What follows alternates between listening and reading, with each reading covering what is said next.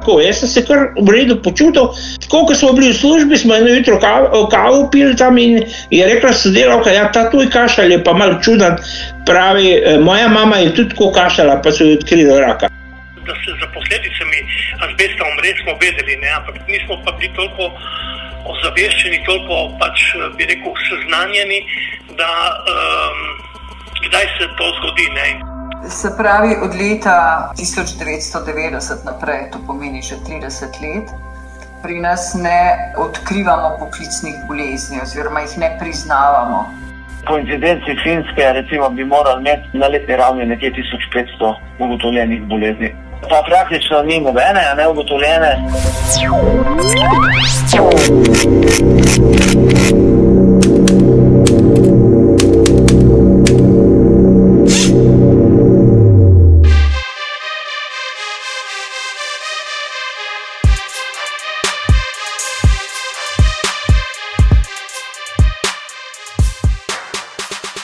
Dobrodošli v prvi letošnji in sicer 29. epizodi Počrtov podcasta.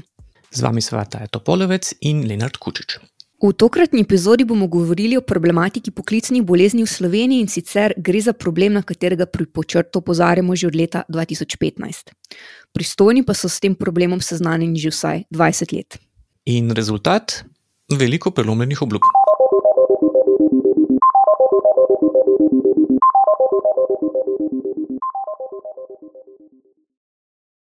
33 let sem bil v stiku z azbestom, 33 let delovne dobe sem napravil Salonitu Anhovo.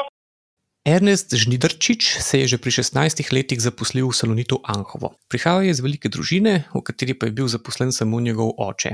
In čeprav je bil še mladoleten, je moral na delo. V Salonitu Anhovo so bili takrat znani predvsem po tako imenovanih salonitkah. To je bila priljubljena strešna kritina, ki pa je vsebovala tudi azbest. Ta mineral oziroma skupina mineralov je bil med gradbeniki zelo priljubljen, ampak so uporabo azbesta v 80. in 90. letih prejšnjega stoletja v številnih državah prepovedali. Zakaj? Ker so ugotovili, da dolgotrajno vdihavanje azbestnih vlaken lahko povzroči hude bolezni. Najhujša je maligni pljučni rak oziroma mezoteliom, azbest pa povzroča tudi azbestozo in druge spremembe na pljučih, recimo pleuralne plake.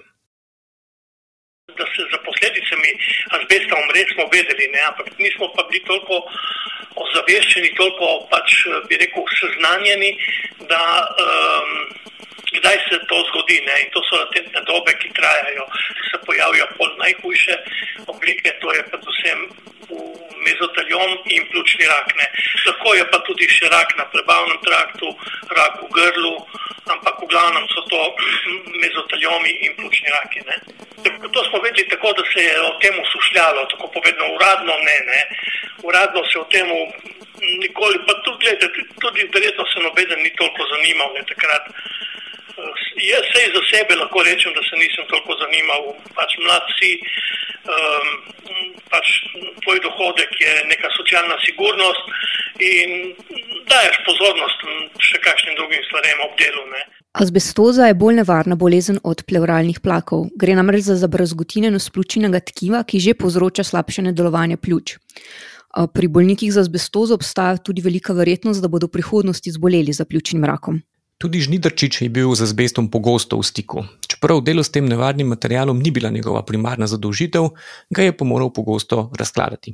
Ko sem leta 1999 prebolel uh, manjšo pljučnico, uh, mi nekaj dni temperatura enostavno ni padla, sem ležal doma in na kar, ko je temperatura se malo znižala, grem do moje zdravnice, uh, na kar je uh, pač uh, po pljučah ne, in to. In je kar nekaj prestrašeno, pač tako rekla, rekla, nekaj ne more biti redu. Takrat je dobil napotnico za slikanje pljuč in Žnidarčiču so zdravniki ugotovili bolezen pleuralni plaki s prisotnostjo azbestoze. Po takratnem zakonu in po priznani poklicni bolezni so me tudi upokojili. Sicer bi lahko še delal, ampak imel sem zelo slabe delovne pogoje, mraz, dež in tako naprej. Uh -huh. uh, in sem rekel, ne, grem v pokoj. Ne. No, ta odškodnina je bila pač, vam pravim, mislim, da sem dobil 2 milijona dolarjev, takrat 2 milijona. V bistvu to, da sem si kupil uh, en avtič, 200 ali 300 tisoč sem mogel doložiti dolarjev, da sem kupil si Twingičano. Da je azbest smrtno nevaren, so znanstveniki ugotovili že v 60-ih letih prejšnjega stoletja. Obravnava obolelih zaradi azbesta pa se je v Sloveniji vsaj zadovoljivo uredila šele 30 let pozneje. Leta 1998 je bil tako sprejet tako imenovan azbestni zakon, ki je uredil način potrjevanja poklicne bolezni zaradi azbesta, ureja pa tudi splačevanje odškodnin in pokojnine. Bolezni zaradi azbesta se v Sloveniji pojavljajo na štirih geografskih področjih. Najbolj obremenjeno področje pa je Goriška, zaradi tovarne Salonit Anhovo. V Sloveniji je bilo preko, torej približno desetkrat toliko, kot je bilo v Salonitu, na dvorišču Salonita, izpostavljenih azbestu, delavcev in delavk tudi drugje. Govori predsednik Zveze sindikatov azbestnih bolnikov Slovenije Bojan Goljevšček. Zelo razpršeno po Sloveniji, recimo za primerjavo, TVT Maribor jih imamo na letni ravni pravzaprav enkrat več kot Salonit za proizvodnjo. Salonit jih imamo na letni ravni tam 500 do 600, govorim izključno v proizvodnji azbest cementa. V TVT-ju v Mariboru jih je bilo na letni ravni 1200, ne? pa če pogledajo danes statistiko, ne? torej iz tega okolja Salonita imamo cirka 2800 verificiranih, torej priznanih poklicnih bolezni zaradi izpostavljenosti azbestu, v TVT-ju jih pa na prste in roke preštejejo. Torej, tu se bomo verjetno strinjali, azbest je zdravju škodljiv posod, ne glede na geografski položaj. Torej, tu statistika ne zavaja. Ne? Drugo področje, poleg Goriške, je slovenska obala, kjer so azbest uporabljali v izolski ledenici in v avtomobilski industriji. Tretje področje je Ljubljana, zaradi uporabe azbesta v delavnicah slovenskih železnic in tovarni izolirka. Četrto področje pa je že omenjeni Baribor, zaradi avtomobilske industrije in železniške industrije, izdelave kotlov in brusov. V državi je sicer še več manjših področji, kjer se bolezen pogosteje pojavlja, naprimer okoli lokalnih opekarn in termoelektrarn, železar in proizvoden tekstilnih materialov. Ker pa se posledice izpostavljenosti azbestu pokažejo šele po več desetletjih, bolniki pogosto niti ne posumijo, da so morda zboleli za azbestno boleznijo.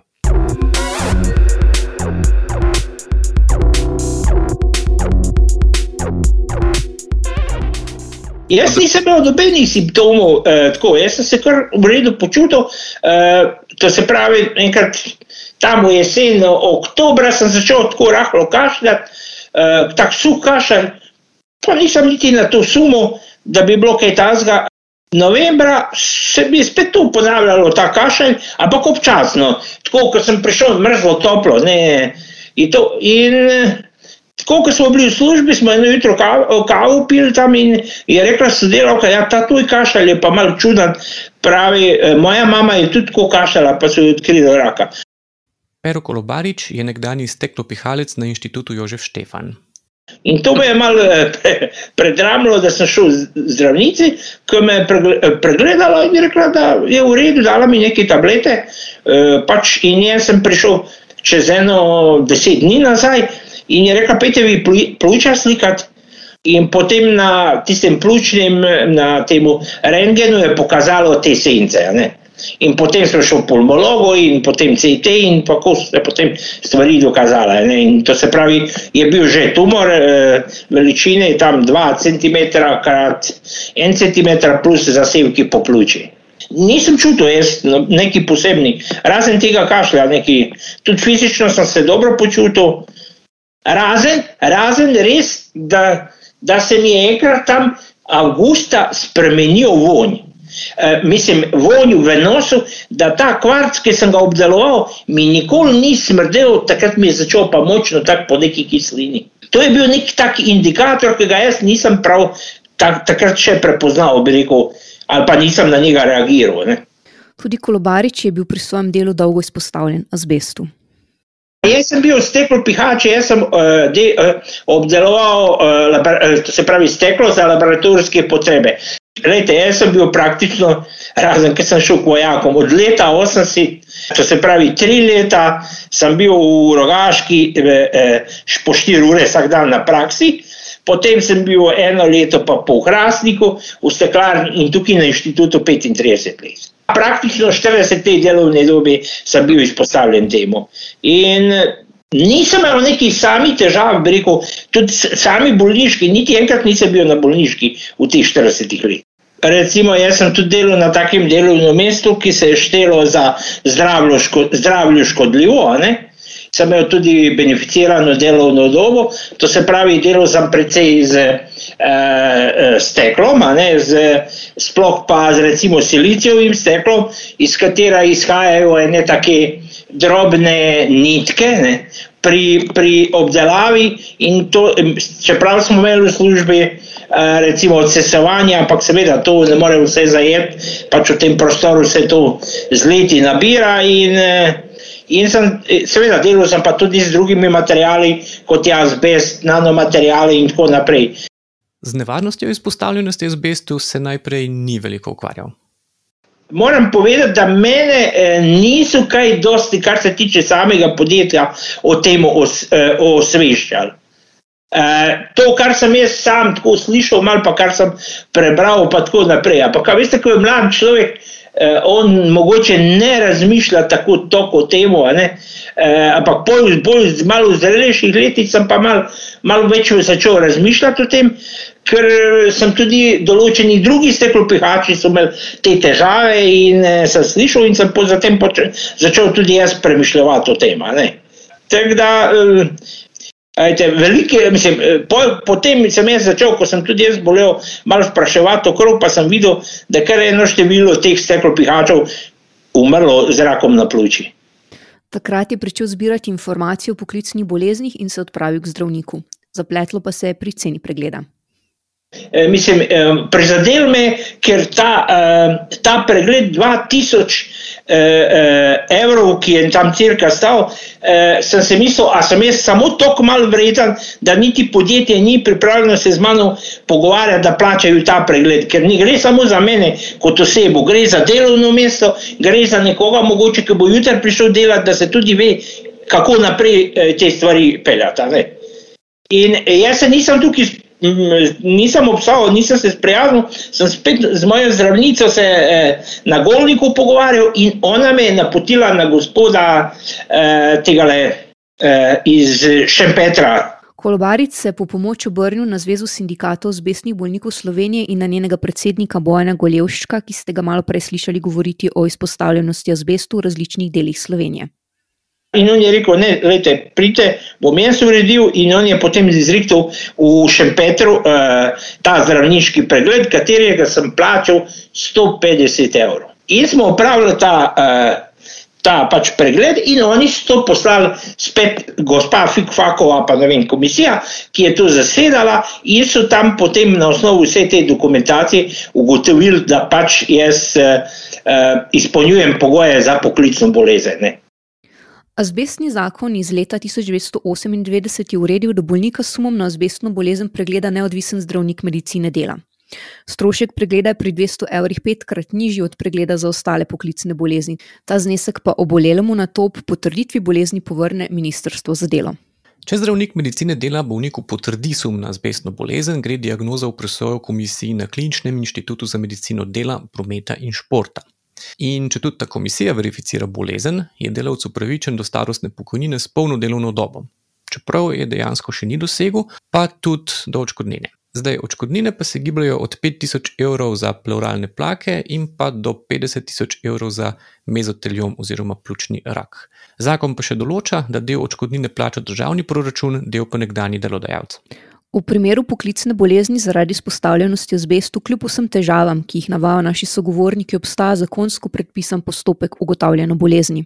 To poklicno bolnim se načeloma omogoča dostop do očkodnin in pa starostnih pokojnin zaradi obolenj. Delavci, ki v Sloveniji trpijo zaradi poklicnih bolezni, ki niso povezane z azbestom, pa pogosto niti ne vedo, da je za njihovo bolezen kriv poklic, ki so ga upravljali. Vzrok za to je slab sistem odkrivanja in prepričevanja poklicnih bolezni pri nas. Ja, ker po ocenah strokovnjakov in glede na primerjive številke v tujini, bi morali v Sloveniji na leto odkriti okoli tisoč novih poklicno bolnih. Po podatkih Ministrstva za delo pa so jih uradno v letu 2020 odkrili manj kot 30. Se pravi, od leta uh, 1990 naprej, to pomeni že 30 let, pri nas ne uh, odkrivamo poklicnih bolezni, oziroma jih ne priznavamo. Govori doktorica Metoda Dodič Fikfak z Kliničnega inštituta za medicino dela, prometa in športa. To je tam, kjer strokovna komisija tudi verificira poklicne bolezni. Bistvo poklicne bolezni je to, da je delo poglavitni povzročitelj, se pravi glavni povzročitelj bolezni. Problem pri poklicnih bolezni je ta, da so diagnostično ali če hočete medicinsko gledane popolnoma enake kot so nepoklicne bolezni. Recimo, mi imamo ravno tako leukemija je enaka, ne glede ali je povzročena za strani organskih topil, recimo benzena, ali je povzročena uh, iz neznanega vzroka, histološko, klinično je to popolnoma enaka bolezen. Podobno je pri vseh drugih boleznih, zato je potrebno na ekspozicijo ali na izpostavljenost pomisliti in seveda jo tudi poiskati. In ko to oboje narediš, moraš ugotoviti količino te izpostavljenosti in na osnovi tega sklepati, ali je bila ta stopnja izpostavljenosti tako velika, da je z veliko verjetnostjo izvala ali povzročila bolezen. Zelo specifične bolezni, poklicne, so redke, so pa recimo mezoteliom je taka specifična poklicna bolezen, ki je rak, ki ga povzroča samo praktično in izključno v 90% povzroča uh, azbest. Potem so vse zastrupitve, tudi če so kronične, so več ali manj precej specifične. Vendar ponovno, če govorijo recimo o kronični zastrupitvi s svincem, ker imamo primer Mežiške doline pri nas, potem uh, seveda moraš pomisliti, da je leukemija, ki jo ima ta človek, lahko povzročena bila tudi z svincem in seveda iskati njegovo izpostavljenost. Tako da ta del je nekoliko, nekoliko težji. Za priznanje poklicne bolezni pri posamezniku morajo strokovnjaki torej dokazati, da je določena bolezen res povezana z upravljanjem določenega dela oziroma poklica.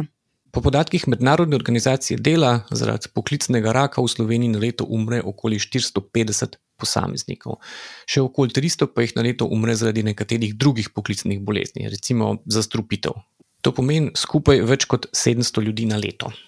Pristojne institucije v Sloveniji pa so v zadnjih desetih letih po podatkih Ministrstva za delo na leto ugotovile le med 30 in 80 primerov poklicnih bolezni, torej kar desetkrat manj od ocenjenih smrtnih primerov v posameznem letu. Do tega opisanega sedanjega stanja je zelo kritičen tudi predsednik Zveze sindikatov zavestnih bolnikov Slovenije, Boljan Goljevšček.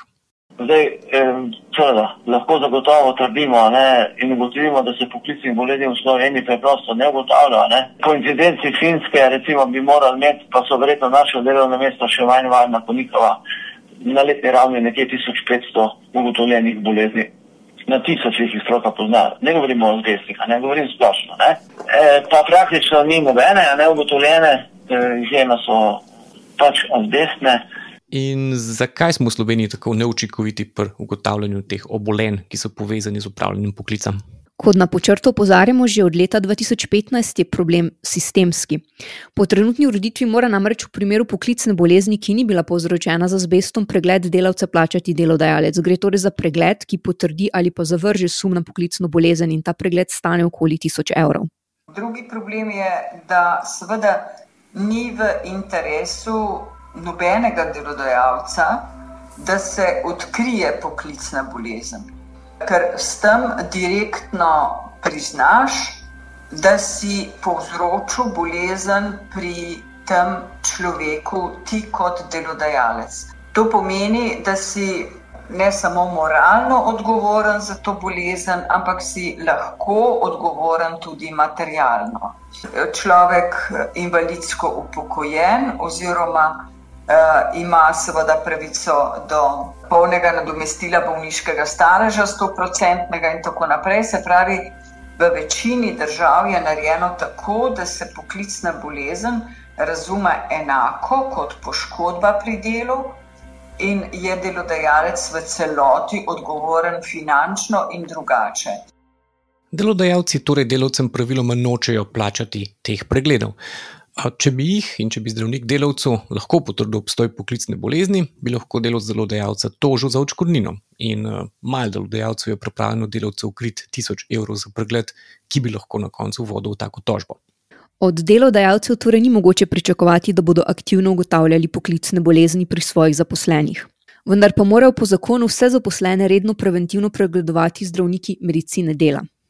In tretji problem, ki smo ga imeli, eh, je ta, da, je, da so kolegi specialisti medicine dela, ki imajo po zakonu največjo dožnost, da bi te poklicne bolezni odkrivali, imajo svojo, eh, pravi, imajo pogodbe neposredno z delodajalcem, kar pomeni, da gre za hud konflikt interesov in seveda um, v lastno skledo ne more nihče pluvati. Kar pomeni, da tudi v primeru, če kolega odkrije poklicno bolezen, ga ima uh, delodajalec pravico odpustiti, in to se je tudi zgodilo. Naslednji dan, se pravi, prvi dan je rekel, pri tem gospodu gre za poklicno obolenje, in drugi dan je kolega ostal brez pogodbe z njim, in tukaj inšpekcija ni nič pomagala. Skratka, kot vidite, je celoten, če lahko sploh rečem, sistem narejen ali naravnan tako, da je odkrivanje poklicne bolezni nemogoče. Zdravniki torej z diagnosticiranjem poklicne bolezni tvegajo izgubo posla. Vendar pa to ni edini problem. Problem je tudi zastarela zakonodaja, ki vseh bolezni, ki so posledica dela, ne prepoznava kot poklicni bolezni. Ključni koraki, ki bi jih morali narediti za priznavanje poklicne bolezni, je prvič sprejet pravilnik o poteku priznavanja poklicne bolezni. To je številka ena. Pravilnik bi moral biti usklajen z možnostmi, ki jih trenutno imamo. Tudi če ne bi bil idealen, ampak z možnostmi, ki trenutno so. Govori doktorica metoda Dorič Fikfak. To pomeni, da bi moralo biti določeno, da kdorkoli lahko sproži sum, da obstaja poklicna bolezen, ko rečem kdorkoli, mislim predvsem na delavca, mislim na Eh, delodajalca tudi, mislim na sindikalista, mislim na osebnega zdravnika, mislim na specialista eh, tega delavca, kdorkoli lahko postavi sum. Ta sum gre potem k splošnemu zdravniku, ki napiše napotnico za komisijo, ki bo zbrala vse potrebne podatke pri pooblaščenem zdravniku in pri vseh drugih zdravnikih, ter pri delodajalcu o izpostavljenosti. In ko bo dobila podatke o izpostavljenosti in o bolezni, bo videla, ali glede na osnovi dokumentov, ki jih že itak imamo, to je verifikacijskih pogojev, ali ustreza verifikacijskim pogojem ali ne, in bo poklicno bolezen identificirala, ali gre za poklicno bolezen, ali gre za bolezen povezano z delom, a veste, to je razlika, ali pa gre za bolezen, na katero je delo le vplivalo. Zdaj, posledica neugotavljanja poklicnih bolezni je za posameznika, ki pa trpi za to boleznijo, zelo resna. Zakaj? Ker posameznikom posledično niso izplačene invalidnine, ki bi jim pripadale. Poglejmo to v številkah. Po ocenah strokovnjakov je za približno tretjino invalidnosti kriva poklicna bolezen. To torej pomeni, da bi moralo biti v Sloveniji, glede na skupno število invalidsko upokojenih posameznikov, okoli 25 tisoč oseb invalidov zaradi upravljanja poklica. Kakšne so uradne številke? Po podatkih Ministrstva za delo je konec leta 2020 invalidsko pokojnino zaradi poklicne bolezni prejemalo 191 posameznikov.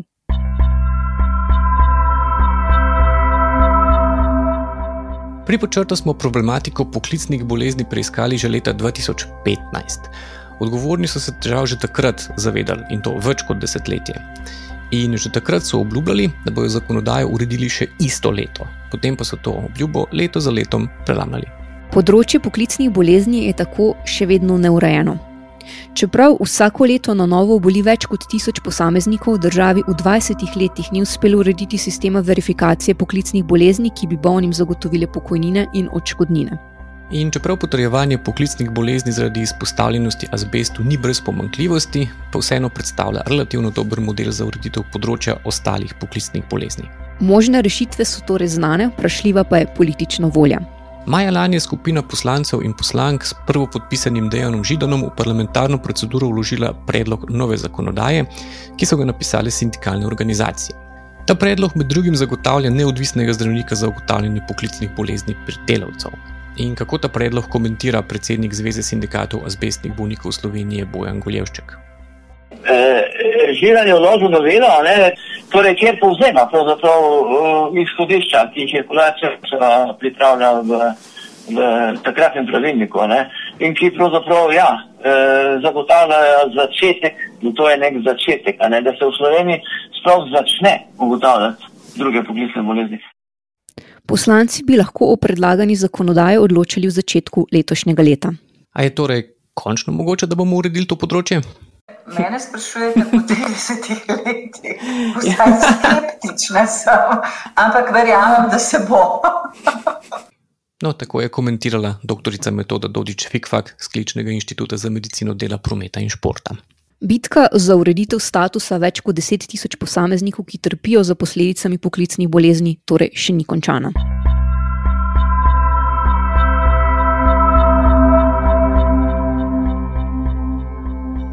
Pomemben razlog za neodzivnost odločevalcev je tudi, da poklicne bolezni, predvsem tiste najhujše, ki prinašajo trajno invalidnost ali celo smrt, prizadeno predvsem posameznike, ki so pri delu v neposrednem stiku s kemikalijami in pa delavce, ki upravljajo težka fizična dela. V večini primerov težkih poklicnih bolezni gre torej za delavce v industriji z nižjimi dohodki, ti pa imajo predvsem manjšo politično moč kot više izobraženi posamezniki z višjimi prihodki.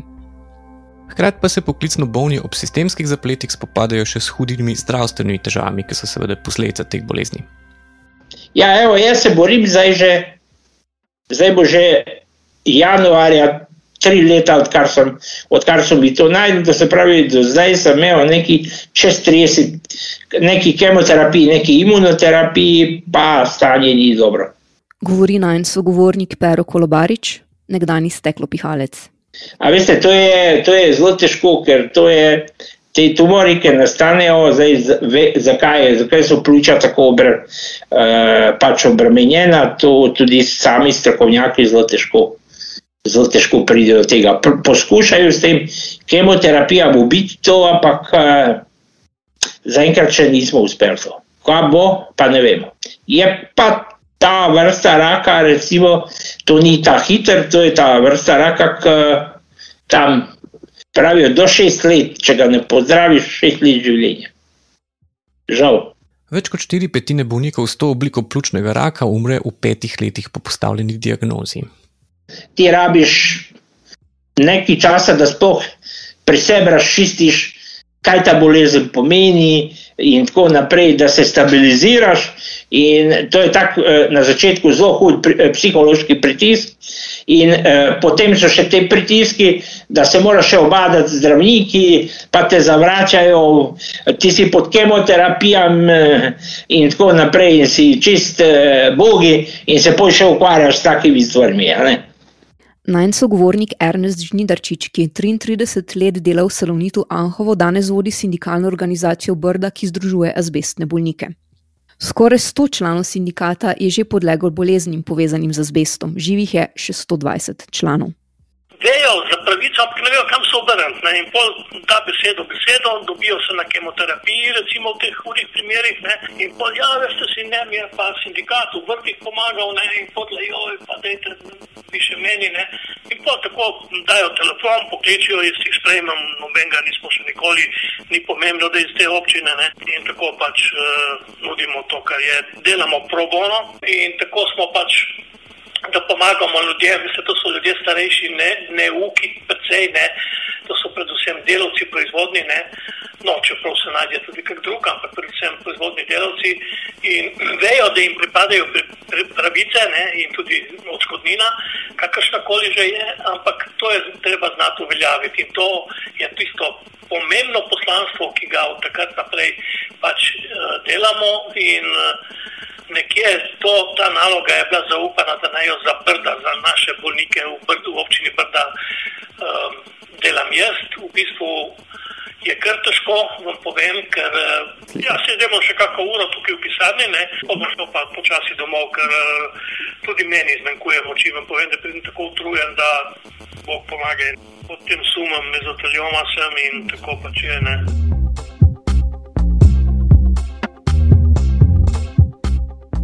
To je bila 29. epizoda počrto podcasta. Z vami sva bila Leonard Kučič in Tato Polovec, za zvok pa je tudi tokrat poskrbel Milan Fras. Če pa vas zanima še kaj več o poklicnih boleznih, članke na to temo objavljamo na počrtu že od leta 2015, na naši spletni strani pa jih najdete v zaviku serije. Kmalo vas bojo pa tudi na ušesih pričakale naše nove vsebine. In da jih ne bi slučajno preslišali, se lahko naročite na naš podcast. Thank you.